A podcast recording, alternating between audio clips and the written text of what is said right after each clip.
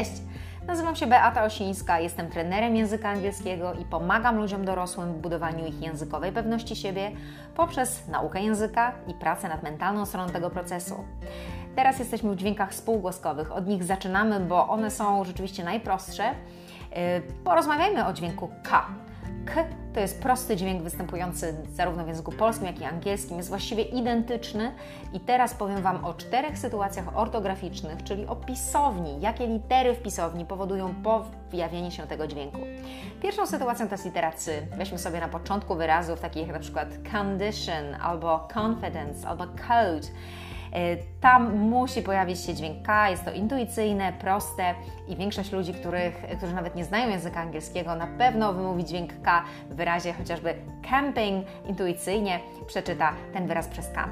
E, drugą sytuacją jest obecność litery K. W pisowni e, weźmy sobie taki wyraz jak na przykład kind albo kill albo kidnap, uprowadzać kogoś, porywać, kill, zabijać. E, również w środku wyrazów, takich jak na przykład skirt, czyli spódnica, też pojawi się dźwięk K, przypisownik K. To jest prosta sytuacja. E, również trzecią sytuacją jest e, połączenie liter C i K w czasownikach takich jak kick, lick, check. Krótkie czasowniki typu właśnie kopać, lizać, sprawdzać. Tutaj CK to jest również K oraz czwarta sytuacja to jest połączenie liter Q i U. Tutaj też pojawi się dźwięk K, zobaczcie wyraz Queen.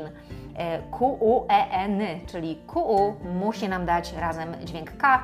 Weźmy sobie wyraz mosquito, czyli komar, my osy, Q-U i ty o. Oczywiście Q i U w środku to musi być K. E, przymiotnik e, quick, e, przysłówek quickly, również Q-U i cyk mamy nawet dwa dźwięki K, quick, quick, e, dwukrotnie on się pojawia, quickly. E, no to dobrze, e, więc wszystko byłoby super a propos dźwięku K, gdyby nie to, że on lubi się pojawiać w przypadku litery CH, która normalnie w znakomitej większości wyrazów angielskich wyprodukuje nam dźwięk czy. I my to wiemy i dlatego też często popełniamy ten błąd w wymowie, mówiąc na przykład na żołądek czy też brzuch, mówimy stomach, albo na ból, czy też ból głowy, najczęściej mówimy ojej, headache. E, rzeczywiście jest to trudne, jeżeli nie wiemy, że w tych momentach pojawi się w języku angielskim wyraz e, dźwięk K, e, to rzeczywiście no, łatwo jest popełnić po prostu taki błąd. Warto po prostu zapamiętać tych kilka takich flagowych wyrazów. Więc weźmy sobie na przykład wyraz chemistry, pisany przez H, chemistry, wiecie, to jest chemistry, oczywiście przez K. Weźmy sobie sklep, y, apteka, czyli chemists, też CH, też będziemy mieć literę K w wymowie, znaczy dźwięk właściwie, wiecie, mówimy tutaj o dźwięku.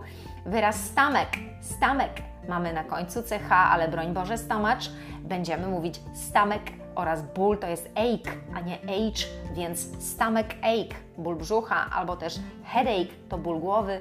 Weźmy sobie na przykład zawód mechanic, Tutaj będziemy pisać mechanic, prawda? Ostatnie C to już nam mówi, że ok, to będzie K, ale te środkowe cecha korci nas, żeby powiedzieć czy, a tutaj nie. Musimy powiedzieć mechanic, czyli wyprodukować dwa dźwięki K.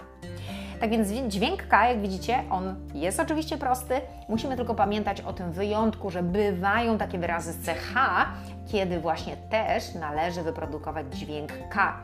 E, słuchajcie, to wszystko na temat dźwięku K. E, widzimy się w następnym odcinku podcastu, w którym poruszymy sobie kolejny dźwięk spółgłoskowy, ten łatwiejszy, a później przyjdziemy już do samogłoskowych i tam będzie jazda. Dziękuję za uwagę. Spotykamy się niedługo. Pozdrawiam. Cześć.